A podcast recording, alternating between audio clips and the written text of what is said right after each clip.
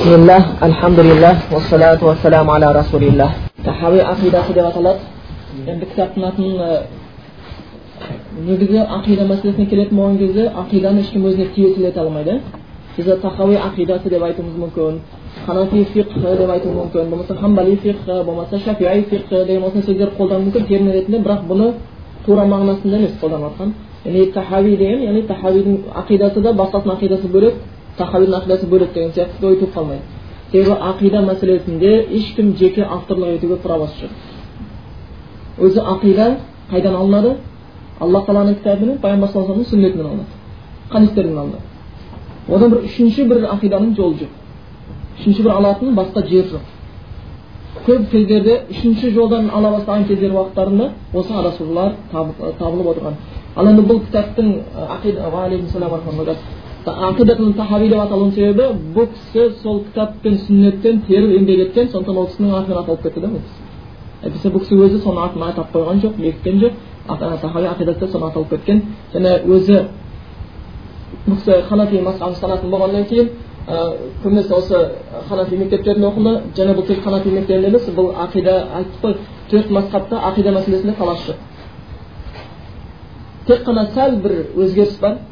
Мынау ханафи мазхабының мутақаддимдер деп қояды ілгергілер олар ақида әхлі сүнна жамаатта болған бәрі тура болған кітапке сүннетке хадиске сай келетін болған бірақ кейін мутаахирер кейін соңына қарай сәл өзгеріс келіп қана болған ашариттер тағы басқалардан қосылуға байланысты ілмул кәлам деген нәрсе шыққан біз өтелі айтқанбыз иә ақиданың бірнеше атаулары болды сүннет деп атаған ақиданы ол селев кездерінде селев кезінде ақида таухид деп атаған жоқ сүнна деп аталған сунна егер сол кезде біреу ахлі сунна деп аталатын болса бұл сүннет десе бұл әхлі сүнна жамааттың жолымен тура жүрген адам ақидасы кітаппен пайғамбардың хадисіне тура келген дұрыс адам деген ұғым беретін болған ол кісілердің ұғымында одан кейін уақыт өте келе келе ақида деп атала бастады таухид деп атала бастады себебі ақида деген бір ақ яғни бекіту бір адам жүректің иманның иланып түйінделуі яғни бір нәрсеге нақты сенуі сол атымен атала бастады одан кейін барып таухид атала бастады біз айттық таухидты кей кезде ақиданың ішіндегі бір тармақ деп атасақ та болады. Иә бір ақида кітабын сол таухид есімімен атап да болған. Себебі таухид шынымен де ақиданың ішіндегі бір тармақ бірақ өте керекті де ең маңызды тармақтың бірі болып табылады. Себебі пайғамбарлардың дағуатының негізінің өзі де сол таухид болды деген сонда көбінесе кітаптардың көбісі таухид атына аталғандар кездері болған. Одан кейін фиқл акбар деп аталған кездер болған. Себебі фиқты екіге бөлген өткенде айтып кеттік фиқл акбар енді үлкен фиқ. Фиқл асар енді кіші фиқ деп бөлген абу ханифаның өзінің кітабының ақидаға байланысты жазған өзінің кітабының фиқл акбар деп аталуының өзі үлкен фиқ деп аталған сондан бірақтан кейбіреулер оны ол кезде өте сирек қолданған бұл және қазіргі кезде біз оны ешкім танымаймыз тек қана ол кісінің кітабының атымен ғана қалды абу ханифаның өзінің жазған еңбегінде фиқл акбар деген одан кейін ақиданы усул деп атағандар да болған яғни усул негіз шынымен фундамент бүкіл нәрсе усул деген негіз былай айтқанда біз фундамент деп жатырмыз ғой біз енді қалай қазақ тілінде негіз деп аталатын болмаса іргетас деп аталады уағалейкум салам әр нәрсенің негізі болады иә мысалға үйдің негізі фундаменті бар егер фундаменті дұрыс болмаған үй ұзаққа тұрмайды бір күні құлайды бір күні қабырғасы ойылады жарылады оның ә, тұрғындарына ол үйдегі тұрғындар үшін үлкен қауіп бар өмір сүру ол үйдің астында сондықтан сондықтан бұны усул деп атаған кездер болған яғни негіз діннің сондықтан кімде кімнің негізі дұрыс болмаса онда оның фуру деп атаған енді ахкамдарды шариғат үкімдерін намаз басқаларын фурух деп атайды да ал сенімге байланысты тұрғысын ол кезде усул деп атаған кездер болған. Енді кімде егер усул жаңағы негіз дұрыс болмайтын болатын болса оны ахкам дұрыс болмайды. Да ұйқылайтын сияқты оның намазында оразасында өте сауабы кемуі де мүмкін. Себебі дұрыс сенім ол өте қажеттілікті туғызатын нәрселердің бірі болып табылады. Сол сияқты тағы да көптеген атаулар болған одан кейін кейін аймул кәлам деп атағандар да бар бірақ бұл кішкене қате ұғымдардан себебі аймул кәламда фурулул кәлам деп қояды артық сөздер қосыла бастаған яғни пайғамбарымыз саллаллаху алейхи алла тағала бізге қалай таныстырған болатын болса солай таныған жақсырақ та себебі аллахты оның елшісі пайғамбар саллаллаху алейхи вассаламнан артық ешкім жоқ және аллах тағаланы ешкім барып көрген жоқ дұрыс па одан кейін аллах тағала біздің санамызға сыйып қоятын нәрсе емес осы тұрғыда абайдың бір жақсы сөзі бар. Аллах тағала шексіз адамның ақылы шекті және шекті нәрсені шексіз нәрсені өлшеуге болмайды дейді да расында солай егер біреу саған айтып жатқан болса сенің құдықтың тереңдігі қырық метр. Ал сенің шелегіңдегі арқанның ұзындығы бес метр десе сен қанша сал? Арқан жетпейді. Жетпейді да тура сол сияқты адам баласы алла тағала мен толығымен танып бітемін деген ол мүмкін емес та жетпейді. Сондықтан біз аллах тағаланы кейбір аллах та бізді бөледі. Ақида мәселесінде тафидті рубубия улухия деп жатады аллахтың раббылық сипаттары аллахтың біздің айтқан тәңірлік сипаттары деп бөліп жатқандарды естіп көріп жатамыз. Раббылық сипатына келген кезде көбінесе біз ақылды қолданамыз. Және раббылық сипаты дегеніміз аллах тағаланың жаратушылық сипаты. Аллах тағала сол жаратқан нәрсесін меңгеру сипаты. Игеру сипаты осының соның бәрі ішіне кіріп кетеді рубия сипатының ішіне бірақ оны көбінесе мушрик те мойындайды оның ішінде кәпір болып жүргендер де мойындайды аллахтың раббылық сипатына келген кезде. Сол күйінде бірақ шындап келген кезде пайғамбарлар жіберілген қауымдардың көбісі құдай жоқ деген қауым емес. Көбісі құдай бар деген қауым. Бірақ көбісі не болған?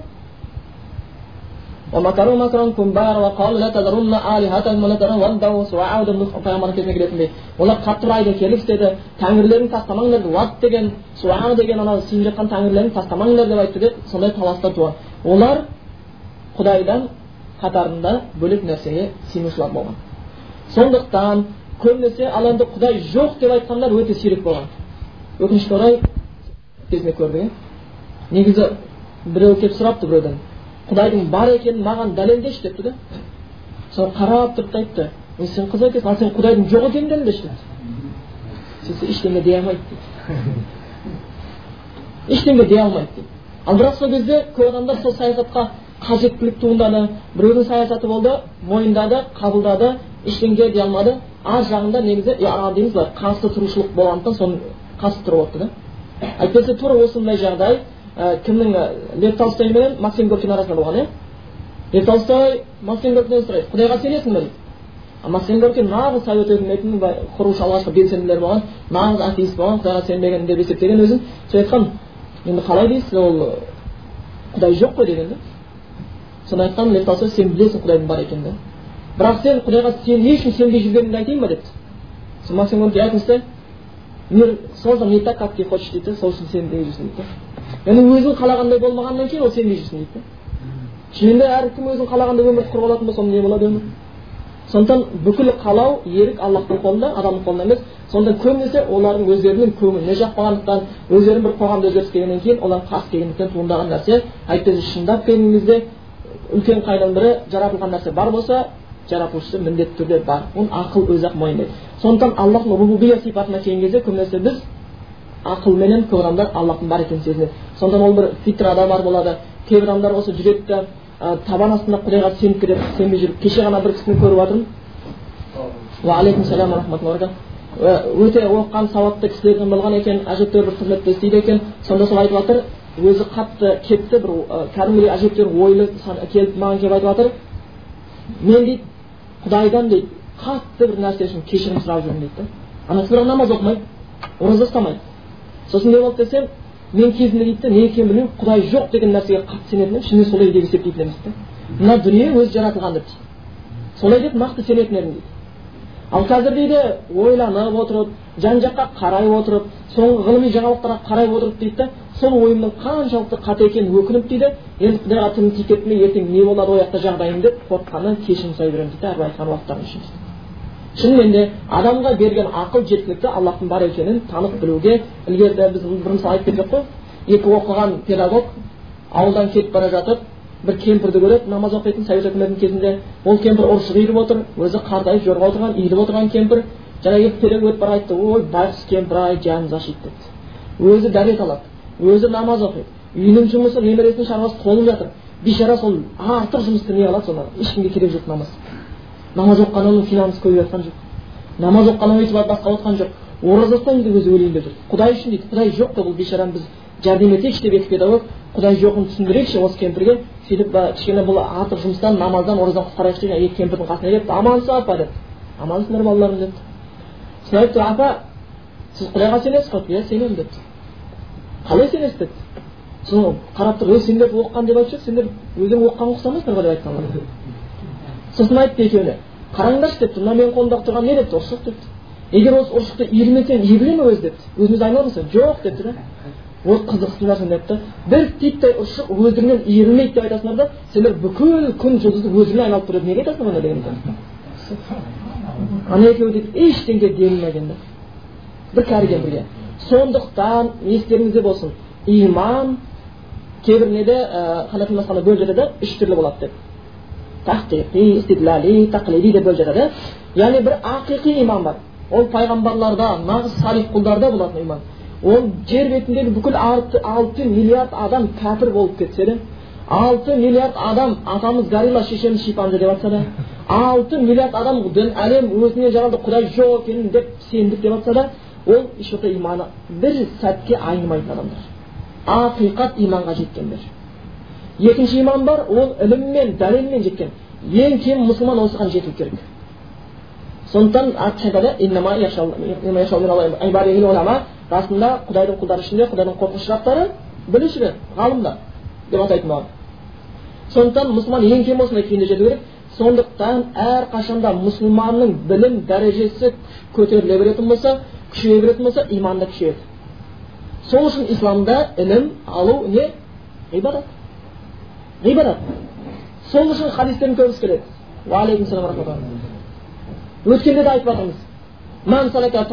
жатырмыз деп келеді кімде кім жолға шықса ілім іздесе оған алла тағала жәннатқа баратын жолды жеңілдетіп қояды не жәннатқа жол не арқылы жеңіл дейді иманның қуаттануы арқылы сондықтан адам иманына нәрді қуатты ілімнен алып отқан сол үшін кейінгі кезде көп мақал тарап кеткен кәпірдің ғалымы дейді мұсылман болып кетуге жақын дейді мұсылманның тек наданы кәпір болуға жақын дейді мұсылманда егер біреу дінін көресің ғой кей кезде телевизорде болмаса сөйлеп қалады.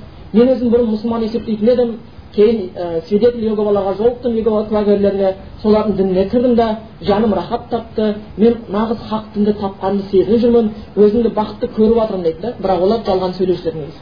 Олар мұсылман болып көргендер көрген емес олар. Егер кім шын иманның дәмін татса ол еш уақытта иманнан бас тартпайды. Білеміз иә абу суфиян мен римнің империясының сол кездегі патшасы кім гераклдың арасындағы сұхбат кең тараған хадис иә сонда не деп сұрайтын еді геракл е анау пайғамбарының енді саллаллаху алейhi артынан ергендердің ішінде қайтадан дінге наразы болып көңілі толмай шығып кеткендер бар ма деп сұрақ қойған абу суфияннан абу суфиян ол кезде иман келтірмеген пайғамбарымыздың нақты дұшпаны қанша сахабалардың қанын төгілуіне себепкер болған мұсылмандарға көтерген бүкіл соғысқа қаражат жинаушы болған басын ұйымдастырушы былай айтқанда бетке сары егер сол жаңағы гераклмен тең дәрежеде сөйлесіп отыратын болса ойлаңыздар дәрежесін. бірақ ол кісіде бір қасиет болған. шындық айту. шындық өте жақсы нәрсе да. көбінесе шындық адамды ана жәннатқа ертіп барады деген хадис бар ғой. сондықтан бұның да иманға келуін біреусі сол сол себептер болуы мүмкін. Сонда не деп айтқан? жоқ деген да.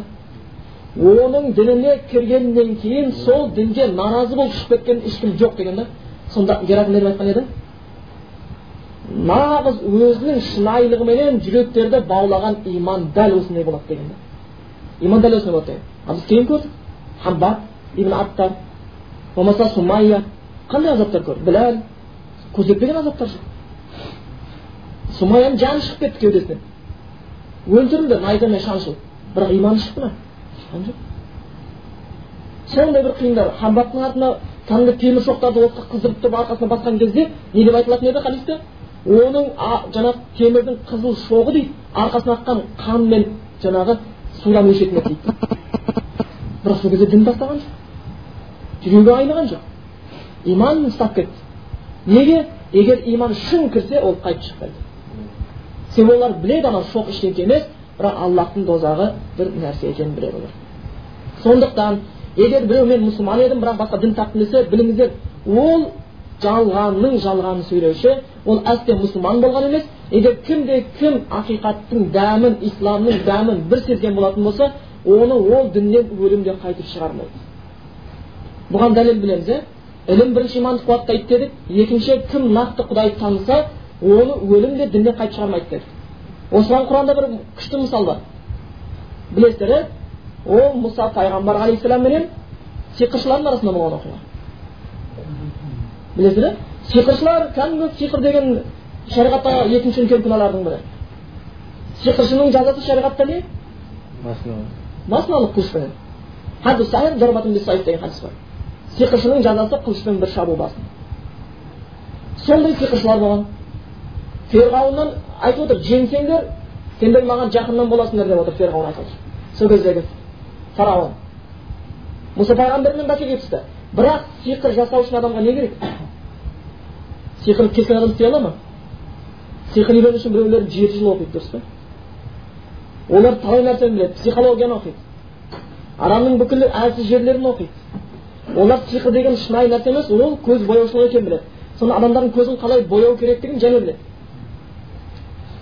сиқыршылар бар және бола береді олар өте үлкен күнә бір кісі айтқандай бір молда кісі айтады ауылда бір кісі келіп өзін бақсы балгерім деп есептейді екен дейді елдің бәрін жинап сиқыр көрсетіп жатыр екен дейді. Сосын мен қатты ашуым келді дейді. Ілгеріде болған бұл совет үкіметінің ел тарап кезінде жаңағы үлкен молда кісі айтады бардым дейді сөйтсем дейді ол анау жаққа барып бір түйені алып келді дейді елдің бәрі үйіліп тұр екен жаңағы біреуі ойбай менің келіншегім тумай жатыр менің бүйтпей жатыр мынау сөйтпей жатыр анау мынау жатыр деп бәрі соған әйтеуір таластырады қолын ұстайды таяғын сүйіп сөйтіп жүргендер дейді жүрген жерінде аунап. Содан бардым дейді содан кісі айтады дейді тұрған елдерге мына түйені көрдіңдер ма деп айтты сосын бәрі көрдік деді мен қазір осы түйенің аузынан кіремін де құйрығынан түсіп қаламын деді сиқыршы сосын елдің бәрі сеніп тұр дейді бірақ дейді елдің алаң қараңдар еді бірақ аузынан кірдім деді дейді елдер а деп шошып дейді шынымен де елдің көзіне ол аузынан кіріп құйрығынан түскендей болып көрінді да а бірақ жаңағы молда қарап тұрса түйені шыр көбірек байқап жүгіріп жүр дейді айналып елдің көзін бояды сондықтан сиқыр бір нәрсені үйрену үшін адамға не керек болады? Бізбен өлім керек болады иә ал сондықтан жаңағы сиқыршыларда бір білім бар еді. Олар кішкене елдің психологиясын басқа үйренген еді сиқыр менен ақиқатты ажырата біледі сиқыршылар. Өздері сиқыр істейді. Олар біле тұрып күнә істеушілер. Кейін олар өздерінің сиқырын жасады жіптерін тастады басқасын қылды айлакерліктерін қылды. Кейін мұса пайғамбар өзінің қолына асасын тастады. Олардың бүкіл сиқырларын бәрін жұтып қойды. Сол кезде сиқыршылар не қылды? Сол жерде иман келтірді сәжиден сәждеге құлады иман келтірдік деді құдайға табан астында сол кезде ферғауын не деді оларға аяқ қолдарыңды аяққа ұштап кешемін деді сол кезде сондай бір жазаны тұрып алған екен дейді оң қолың келсе сол аяғың келсе сол аяғың келсе оң қолың келсе мына жағынан жүрсе мына тұра алмасын мына жаққа алмасын деген сияқты бір азап сондай аяққа ұштап аяқ қолдарыңды кесемін деді ал ферғауын істеймін деген нәрсесін біреу тоса ала ма талай нәрсені істеді олар. Қанша егер сондай әке шешесінің көзінде көзінде жап жас баланы бауыздап тастап жатқан кезде оған сиқыршылардың аяқ қолын кесіп тастау қиын емес еді. Сиқыршылар білді оны істейтін істеймін десе істейтін. Бірақ сиқыршылар сол кезде қорқып бас тартты ма? Жоқ деді істеген істе сен дүниеде ғана қазылығың үкімің жүреді деді міне қараңыздар аяқ қолын айқаштап кесемін дейді қайтқан жоқ. Ал сонда ол иман келтірген ол. Анау әп сәтте ғана. Көрді да мұса пайғамбардың аллахтан берген мұжизасын табан астында ол аллахтың елшісі екенін мойындап олар иман келтірді сөйтіп сондықтан егер біреу шын ілімге жететін болса бұл жерде көріп тұрмыз біріншіден сиқыршыда білім болғандықтан сол иманға тез келді егер шын иман келетін болса еш уақытта ол діннен бас тартпайды ал иман әлсіз болған кезде ол әрқашанда қауіпті сондықтан иманның екінші түрі біліммен дәлелмен жету болса үшіншісі тақлид етіп қойып біреуге еріп иман келтіру ә мен пәленше ата бабам жетінші адам қажы еді ей біз мұсылманбыз ғой біз енді христианбыз ғой ұят қой мұсылман болған анау айтады мен будда болған ата бабам мен будда болып жүре берейін әркімнің өзінің діні бар сияқты сол күйінде жүру керек сияқты әр ұлтқа бір қатып дін бар сияқты және осы нәрсе адамның ойлануға ақиқат іздеуінен тосқауыл болады біріншіден екінші егер бір мұсылман ата бабамыз мұсылман еді ғой деп қана дінге кіретін болса оның иманы әлсіз алла сақтасын тіпті қауіпті егер белгілі бір жағдайларменен қайтадан айтайық совет өкіметі орнайтын болса олар қайтадан совет өкіметінің белсендісі болып шыға келулері ешбір ғажап емес. Себебі нағыз иман дәм татпай қалады сондықтан нағыз иманның егелеріне ғана аллах тағала сондай жақсылық еткен соған керек отқан сондықтан ақида мәселесін үйрену бұл негізгі аллахқа болған иманды үйретеді. Сосын ақида мәселесі шынымен де мұсылмандардың шашыраған басын біріктіруіне дұрыс ақида өзінің көп үлесін тигізеді. Оған біздің аят, аяттар бар иә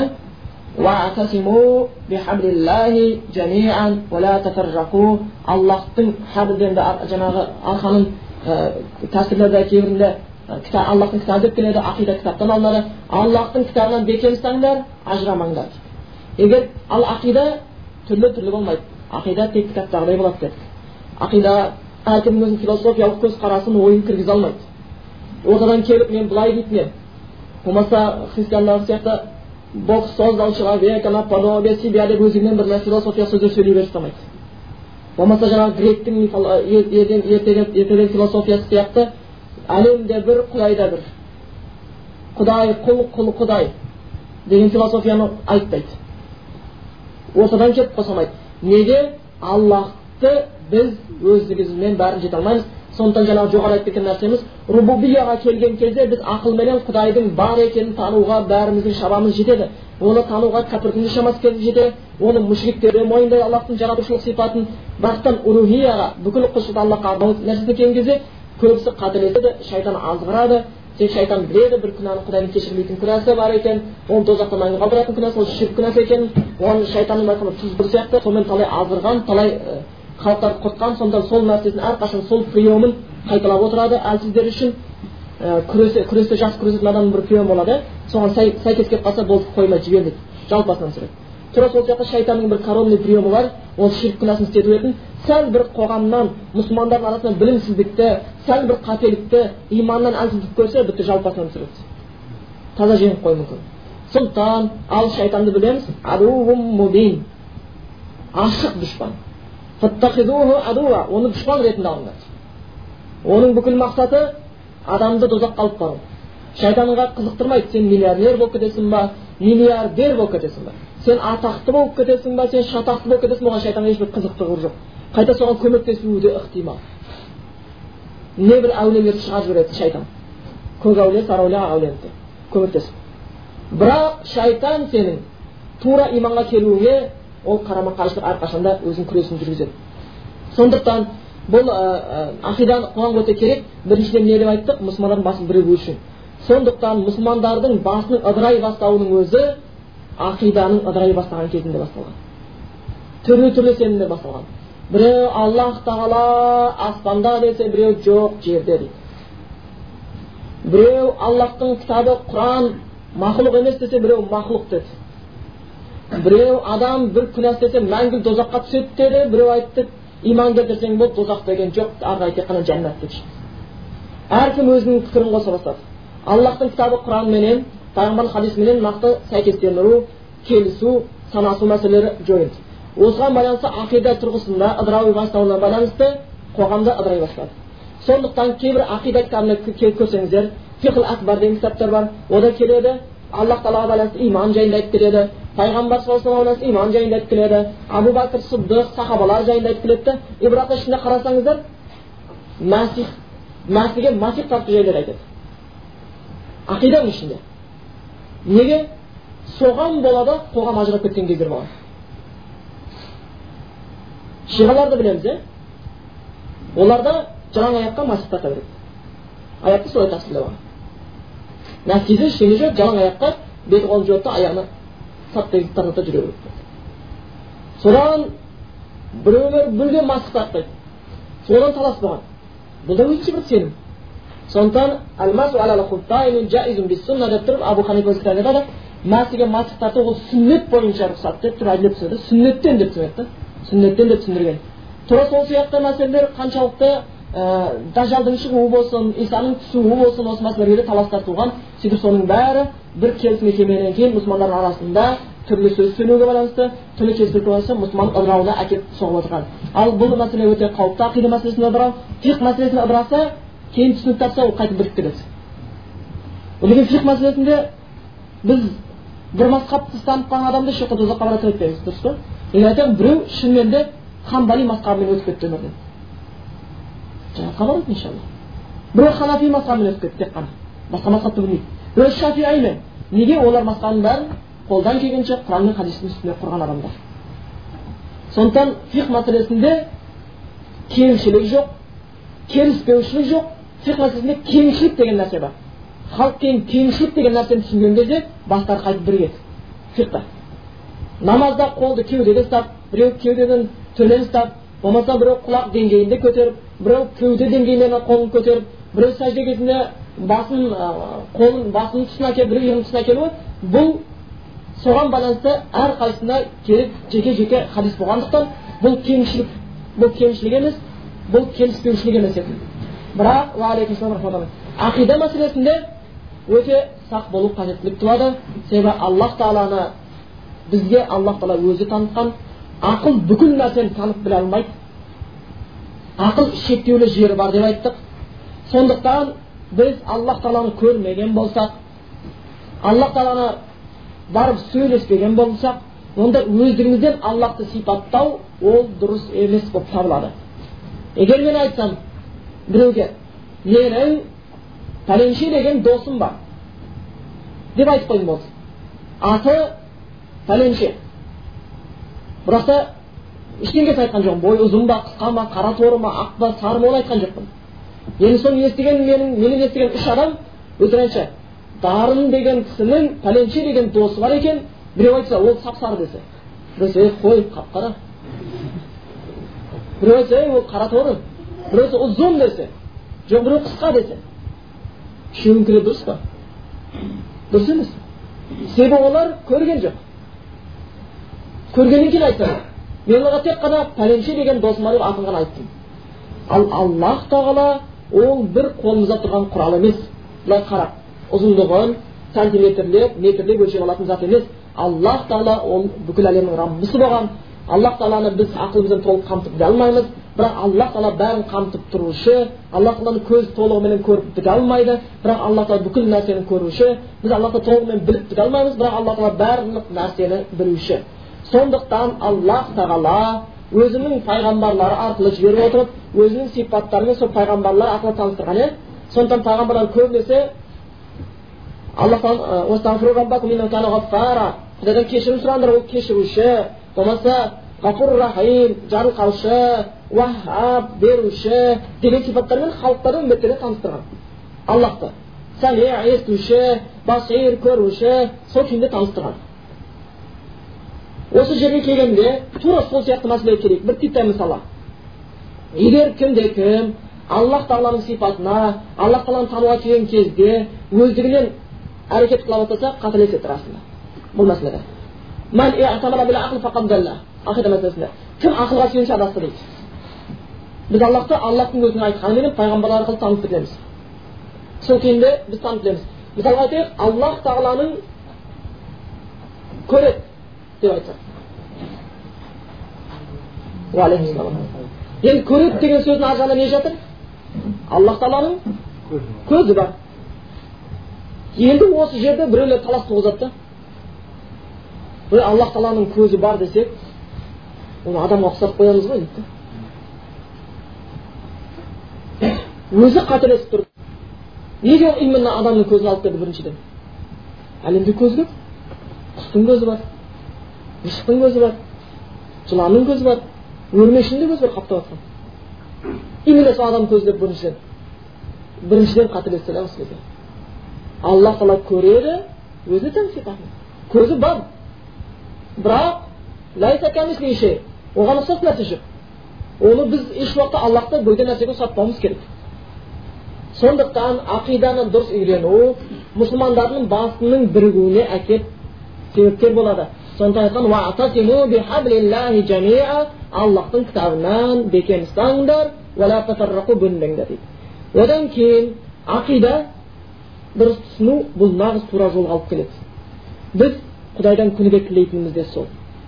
Кәдімгі пайғамбарлардың салихтердің шахидтердің сындықтардың жүріп өткен мұстақим жолын біз күнделікті намазда сұраймыз. Рас қой. Күніге қанша намаз оқимыз? Таңда сүннеті бар парызы бар бәрін қосқан кезде бір отыз екі ракағат па отыз екі ракағаттың әрқайсысында фатиха сүресін оқимыз және фатиха сүресін әрқайсысы айтамыз иә аллах тағала бізді сондай тура мұстақим жолменен жүргіз. Давамды түрде жүргіз сол күйінде. Сөйтіп сұраймыз. Ал енді иса пайғамбар не деп айтқан қауымына иса пайғамбар айтады алейхисалам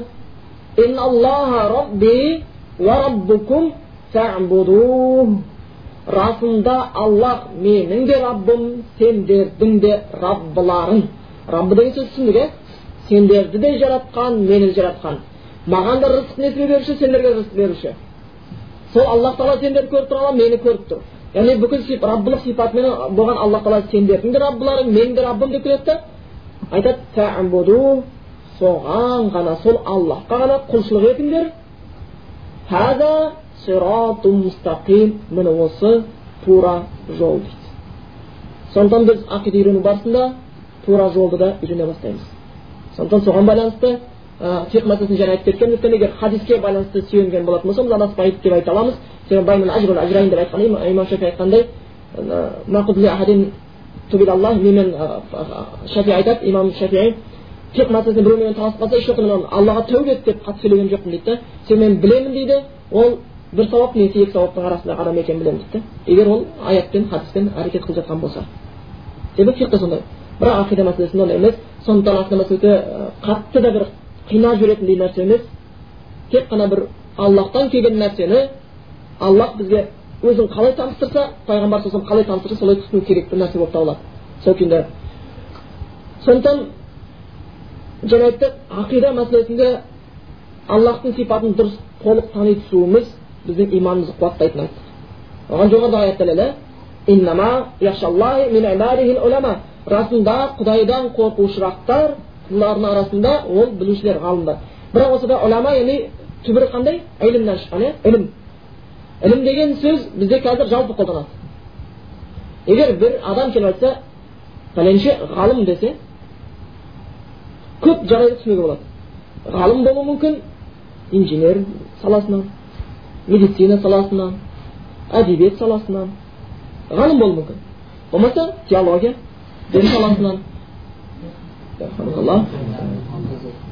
дін саласының өзін қазір жалпы бір күнде қаламайды бүкіл дінді қамтып қарайды теология деген бүкіл кіргізіп жібереді сол саласынан ғалым болуы мүмкін бірақ селефтердің кезінде пайғамбарымыздан кейінгі өмір сүрген кісілердің кезінде ғалым деген сөз ілім деген сөз олардың ұғымында тек құран мен сүннет болып есептелген құран мен хадис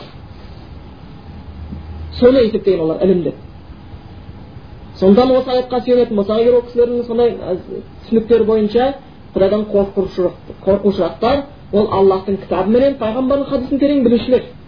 Олар расында қаттырақ қорқушылықтар әйтпесе мына ғалымдардың арасында да кей кезде осы аятты қолданады жалпы дүние ғалымдарының арасында да жаңағы капитан кусталарды мысалға келтіріп отыр кейт мысалға армстронгтарды мысалы келтіріп отырады да құдайдан қорқушылық шынымен олар білді армстронг жаңағы аспан әлемін білді капитан куста теңіз әлемін су әлемін білді деп ол анау осы әлемді білді деп келеді да сондықтан олар құдайды тануына мүмкіндік туды білім сөйтіп құдайдан қорқып иман келтірді әйтпесе сондай қоғамның арасында жаңғыз жеке дара мұсылман болып бөлініп шығу оңай емес деген сөз айтып келеді оны да құптаймыз бірақ негізгі ілім біліңіздер аллахтың кітабы мен сүннетті сондықтан құран мен сүннетті тереңірек білген сахабалардың құлшылығындай құлшылық өте аз қазір бірақ кім сондай дәрежеге жеткен болса солардың бәрі құлшылық етер еді. Кім құдайды хақ дәрежесінде таныған болса онда расында құлшылығы да хақиқи дәрежеде көтеріле бастайды. Пайғамбар саллаллаху аллахқа жасаған құлшылығын білеміз. Сахабалардың аллах тағала үшін жасаған құлшылықтарын білеміз. Кейінгі селеп ғалымдардың ішіндегі табиғиндардың ішіндегі табаға табиғиндардың ішінде қандай құлшылық ұстағандарын білеміз. Біз және білеміз аллахтың құрандағы сондай бір аяттары тозақ жайлы аяттар келген кезде намаз үстінде талып қалған имамдарды білеміз неге терең танитын хазіреті омар бір күні алладан разы болсын аллах тағала үшін құлшылық қылайын деп түн уақытысында тұрады сол тахаджуд намазында түнгі намазында құранның соңғы парасы жүз амманы оқуды ниет қылады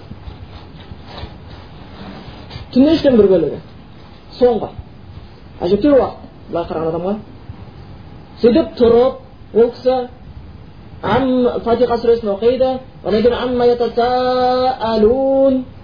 деп дейді да өзін өзі ұстай алмай жылай бастайды олар не жайында сұрап жатыр олар үлкен бір оқиға жайында сұрады біреулер қиямет күні дейді адамдар ойыншық көреді да қиямет күні а бұлар білген қиямет күніне не нәрсе екенін білген имандары айқын болған. Ол күні пайғамбарлар өз басымен әлек болып кетеді. Ол күні кісі өзінің бауырынан қашады. Дүниеге он ай бойы көтеріп омыртқасы үзіліп аязды күні айналып боранды күні толғанып тар құрсағын кеңітіп татын анасынан қашады. Әкесінен қашады. Өзінің жан жары болған әйелі менен бауыр еті баласынан қашатын күн. Оны олар түсінген. Қазір ойын көреді. Ол хақ күн болатын күн. Әл хаққа мәл ол күннің бір аты хақ деп аталады. Сол үшін пайғамбар саллаллаху бір күні кетіп бара жатқан кезде бір кемпір сахаба сахабия кемпірдің есік алдына өткен кезде ол кемпір кісі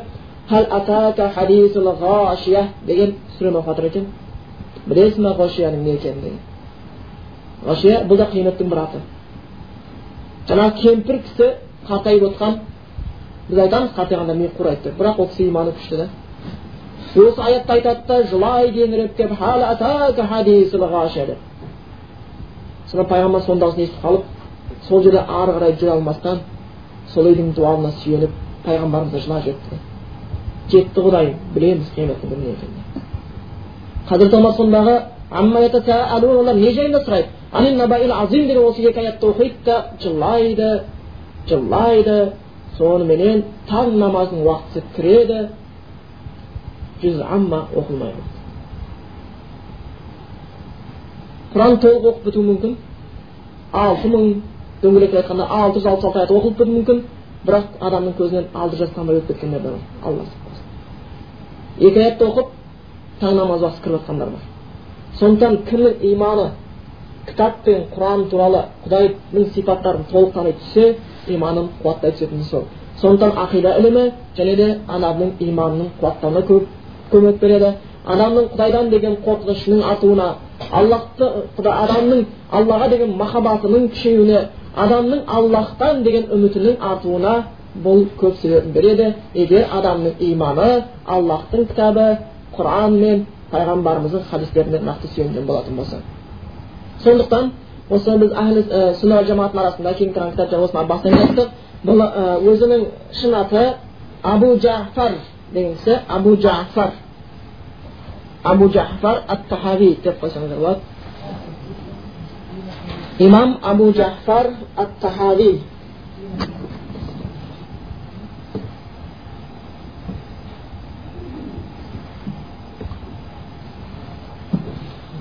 бұл кісі мысырда туған таха деген қалада туған сондықтан тахави деп аталынған тахави өзі араб тілінде тиесілік етістік бар и ия деп келетін яссауи деп атады термизи бұхари бұхарадан туған яссыдан туған тарази таразда туған болмаса тахави тахави таха деген мысырдағы бір қаланың аты болған сол жерде дүниеге келген сол атымен тахави деп аталып кеткен біздерде мысалға құдайы деп атайды ғой тамақ ол негізі жалғыз ғана аллахқа арнадым деген тамақ ұғым, ұғым береді да худа деген сөз парсың тілінен келген яғни арабтың ахат деген сөздің переводы соған парсылар худам адам дейді жалғыз өзім келдім дейді құдай деген сөз жалғыз ғана аллах деген сөз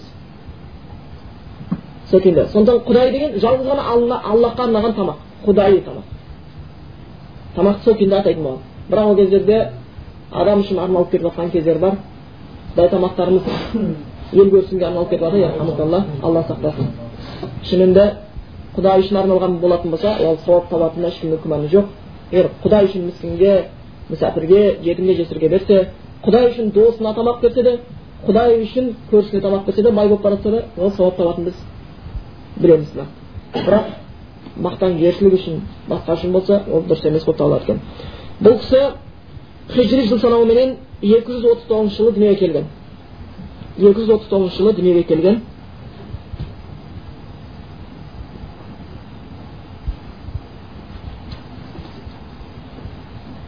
үш жүз жиырма бірінші жылы дүниеден өткен ол кісі.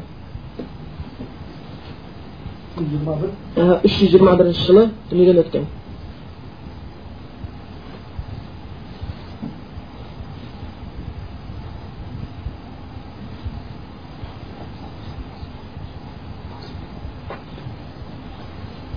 Şimdi biz de tahtamız var efendim. Sabahta ötü barsın halay kuruştur. Biz de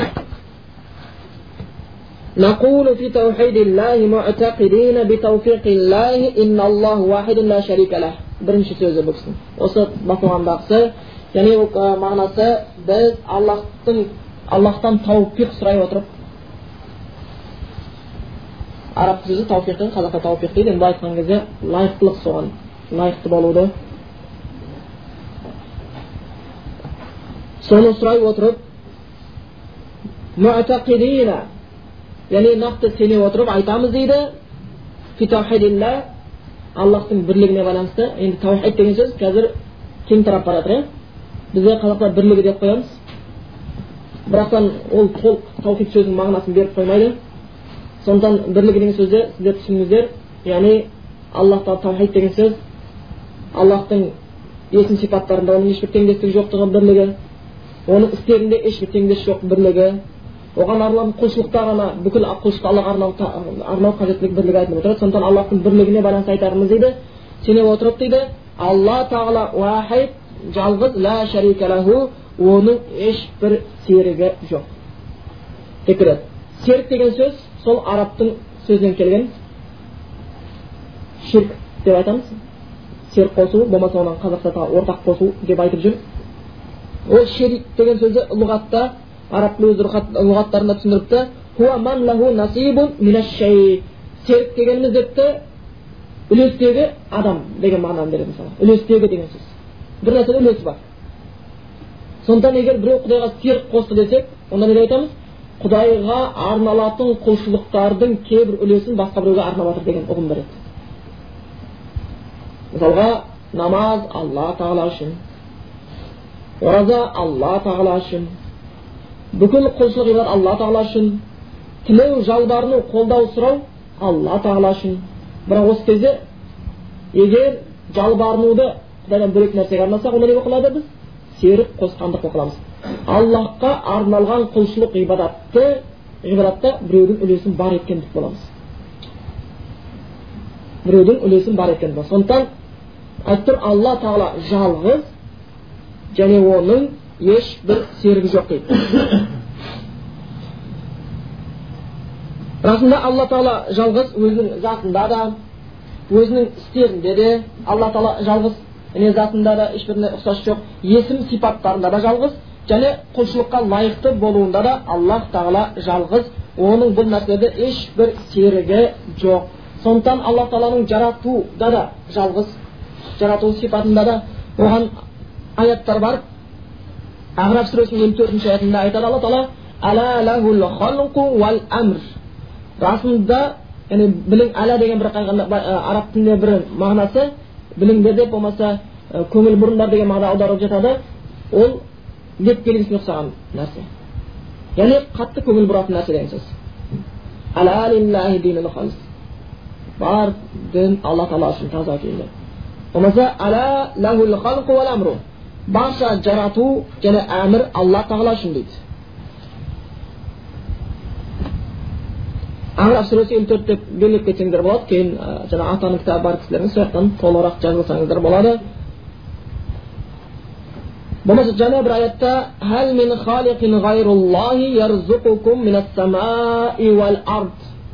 бұл енді истифхам сұрақ мағынасына келген фатир сүресінің үшінші аяты аллахтан бөлек жаратушы бар ма сендерді аспаннан жерден ырзықтандырушы дейді ырзық беруші расында аллах тағала және де аллах тағала зиян беруде пайда келтіруде өлтіруде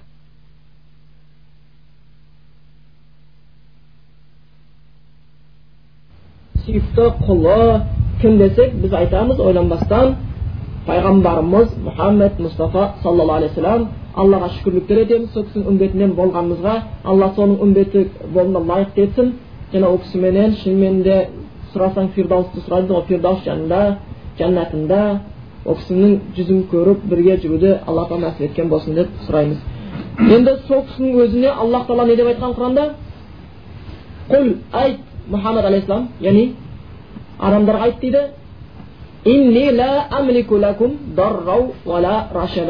мен сендерге бір зиян да келтіруге мүмкіндігім жоқ рашада туралыққа апаруға да мүмкіндігім жоқ дейді егер пайғамбарымыз саллаллаху алейхи вассалам біреуге зиян пайда келтіруге мүмкіндігі жоқ болатын болса аллахтың қалауынсыз онда біз бұл жақта жүрген кезде пайғамбар емес жай бір адамдарға сыйынғандардың халі қандай мүшкіл екенін көрсек болады мен бір жолы сіздерге айтқан шығармын дастархан басында отырған кезімізде көп кісілер отырды сонда қария кісілер апалар кісілер болды ауызашардың кезі оразаның сонда бір апа сұрақ қойып қалыпты дедім ғой. Осы құдайдан бөлек нәрсе әруаққа сыйынуға біреу болады дейді біреу болмайды дейді. Сол әруаққа сыйынуға бола ма балам деп сұрақ қойды. Сол жерде олардың арасында кішкене діннен аз да болса хабарым бар. Молдалық қылып жүрмін деген бір кісі енді ылғи сөйлеген адам сөйлеп қалған ауыз сөйлеп қалады ғой өте асығыс жауап беріп қойды да сол жерде сұрақ негізі маған қойылған еді сөйтіп айтты болады деді болады сыйма деді анда санда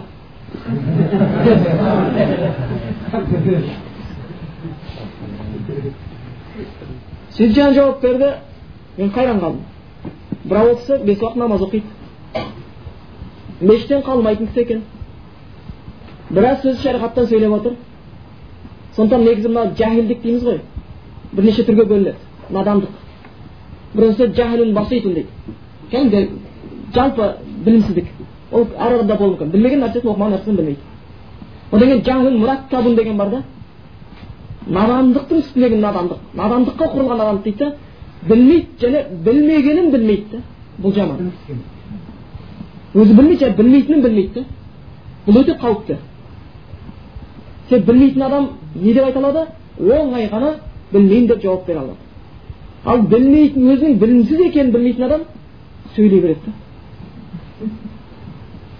сонда оны мұраккаб дейді надандықтың үстіне құрылған надандық өзінің білмейтінін білмейтін бұл өте қауіпті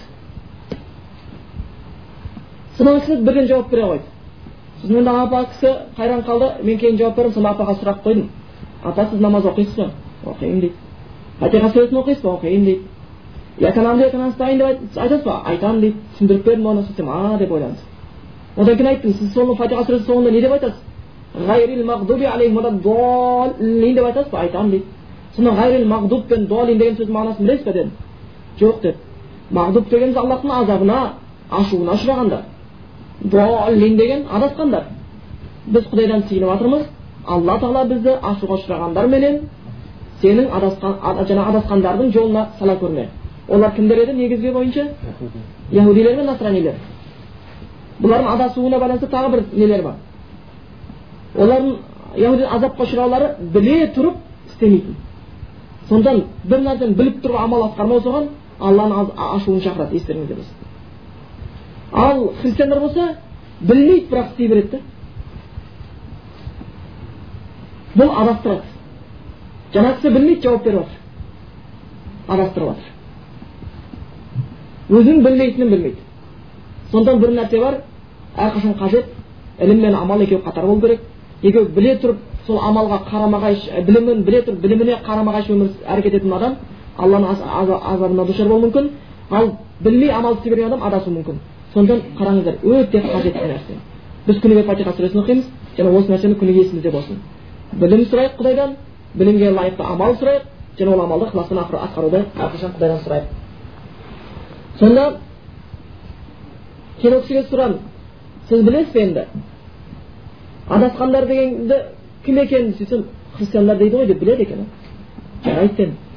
Неге құдай тағала ол христиандар адасқандар деп айтады? Не үшін деп сұрадым сосын тұрып бір біріне көмектесіп жатады апалар енді сұрақ болған екен шалдар бәрі та жауабын тауып біледі екен себебі олар исаға сыйынады ғой деді құдайдың ұлы деп исадан тілейді ғой деп бәрекелді біледі екенсіздер ғой сосын айттым иса кім дедім алейхисалам пайғамбар деді қараңыздар құдай тағала пайғамбардың өзіне сыйынғандарды адасқандар деп жатқан болатын болса оларға жәннат жоқ деп жатқан болатын болса одан сиынуды талап етіп жатқан болатын болса онда пайғамбар емес жай адамға сиынғанның жағдайы қандай болады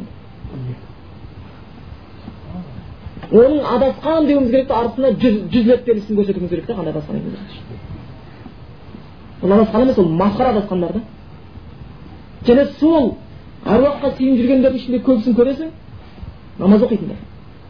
Тәуіптер бар иә? Бақсылар бар. Балгерлер бар намаз оқиды бір жерде көрдім әйел кісі имамдыққа шығып тұр артында өңшең еркектер ұйып тұр бір мешітке кіріп намаз оқиын десе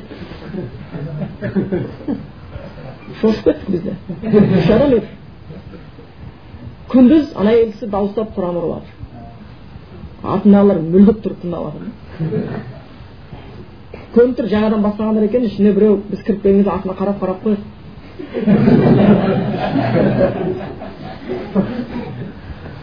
біз де бірден біле қойдық расында солай екен әулие аралап жүрген тәуіптер екен да анау командующий сондықтан имамдықты да басқарып жатыр да қараңыздар қалай болса солай өтіп жатыр шариғат аналар бәрі соған ұйып тұр және намазымыз дұрыс болады деп есептеп тұр бұның бәрі білімсіздіктен келгендіктен сондықтан білімсіздік әрқашан адастырады сонда міне сондықтан жай бір қарапайым нәрселер түсінген сол жерде осы сөзді айтқаннан кейін олар шынымен де өздерінің істеп жатқан қате екенін бір аллаға құлшылық керек екенін айта бастады сондықтан бүкіл пайда беруде зиян беруде алла тағалаға ешқандай серік жоқ және алла тағаланың есімдерінде де оған ешбір серігі жоқ сипаттарында да оған ешбір серігі жоқ оның жаңағы улухия дедік қой бізде қазақ тілінде тәңірлік сипаттар деп атап жатыр иә тәңір деген сөзден соған алыпты себебі ә, аударма ретінде иләх деген сөзге өзі иләх деген сөз құлшылыққа лайықты зат деген сөз тәңір деген сөздің алуына себепке де болуы мүмкін себебі осы уақытқа дейін тәңірге сиынушылық болған сондықтан тәңір қазақтың ұғымында сиынатын құрал сиынатын зат сондықтан иләх дегенге мағынасы жақын болғандықтан тәңір деп алыпты сондықтан өйтіп қолданған кезде егер тәңірлік деген сөз егер айтылып кеткен болатын болса біліңіздер ол аллах тағаланың улухия сипатына байланысты айтып жатырмыз сондықтан алла тағаланың тәңірлік сипатында да оның ешбір теңдесі жоқ бүкіл құлшылық аллахқа лайықтылығы ал пенденің дейді иманы толық таза болып есептелмейді егер ол бүкіл құлшылықты аллах тағалаға ғана арнау керек деп сенбесе. Онда пенденің иманы әлі де кәміл емес толық емес бірақ бар иә көп адамдар иман келтірмейді иман келтіреді мүшрик халдерінде серікке ұстаған халдерінде расында солай бәрі құдайға сенеміз дейді бірақ ар жағында бірдеңеге сиынып жатады ар жағында бірдеңеге сиынып жатады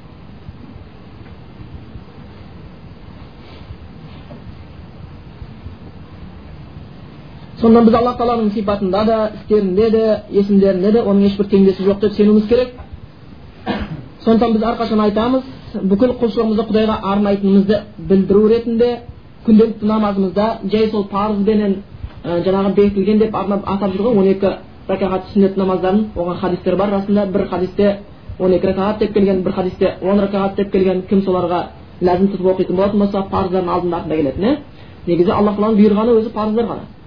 Инна салата тана анил фашл мункар деген мысалы инна салата кана китаба мауқута деген аяттардағы айтып жатқан намаздар парыз намаздар олар таң намазында екі парыз түскі төрт парыз асырдағы төрт парыз солар айтып жатқан бірақ сүннеттер пайғамбар тасымайды деді жаңағы хадистер бар кім соларға ләзім тұтып оқитын болса оған жәннаттан үй деген сондықтан сол күйінде сол хадистерге байланысты істейміз сол әр бәрін қосқан кезде біз күніне отыз екі рәкағат болатын болса шамамен қосымша оқып тағы бар шығар сонда отыз екі рәкағатымызды да отыз екі рет біз не деп айтып жатырмыз аллаға уәдемізде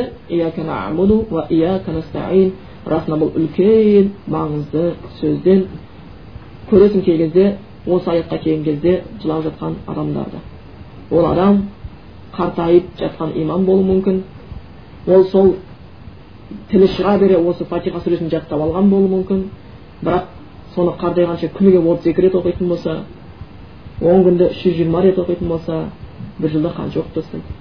Оның жасы жетпіс келгенше қанша оқып тастайды. Сонда сол жетпіске келген жасында ол фатиха сүресін оқиды да еңіреп тұрып жылайды осы аятқа кейін негізі шынымен де бұл құл мен хадис бар иә? Мен мен құлым арасындағы уәде иә алла тағала саған ғана құлшылық етемін және сенен жәрдем тілеймін егер осы сөзімізге тұрсақ осы уәдемізге тұрсақ онда аллахтың хақысын өтеген боламыз. Ғой. Құдайдың құлда хақысы құлдың құдайға хақысы деген. Сол біздің құдайдың біздегі хақысы құдайға құлшылық етуіміз оған серік қоспастан ал құдайдың бізде сондай хақысы болған әйтпесе біз құдайдан ештеңе талап ете алмаймыз. Бірақ аллах былай айтып отыр да. Егер кім маған сондай серік қоспай құлшылық етсе ондай адам мен жәннатқа кіргіземін дейді сондықтан біз жәннатқа кіруімізге себепкер болатын негізгі пайғамбарлардың дағуатының негізі болған осы сөзімізді әр намазымызда айтамыз иә алла тағала бір ғана саған құлшылық етемін және бір ғана сенен жәрдем тілейміз өткенде екеуін бөлек алып қалауын біз түсіндіріп кеткенбіз болмаса аллах айтады зарият сүресінің елу алтыншы аятында адамзат баласы менен адам жындар менен адамзатты тек құлшылық үшін жараттым деген аяттар бар сондықтан бұл ә, неміздің өтіп жатқанымыз бүгінгі үлгерген мәтініміз осы болды онымыз жаңағы алла тағала арасында жалғыз оның ешбір серігі жоқ деген сөз жалпы білгеніміз серік деген мағынасын айттық. Аллахтың ешбір затында сипатында да ісінде де ешбір нәрсе аллаға серік қоса болмайды. Аллах тағала оның ешбір ұқсасы жоқ. Ал ешбір нәрсе аллахқа ұқсатуымызға да аллахты еш нәрсеге ұқсатуымызға болмайды. Аллах тағала имандарымызды қуаттасын. Иншалла баршамызға иман қуатын берсін. Одан кейін бір нәрсені кетер кезінде сіздерден сұрап кетейін дегенім бүгінгі сабағымыз осы болды. Үлгергенімізше егер мешітте демалыс күні сабақ өткізетін болсақ айттық қой аптасына тағы бір жыл аяқта өткізбекші болып жатырмыз бір сағат көлемінде. Соны күндіз өткізген дұрыс шығар деп ойлап тұрмыз. Демалыс күні? Аха демалыс күні соны қай уақытта ыңғайлы егер түскі намаздан кейін десек? Жақын етін олар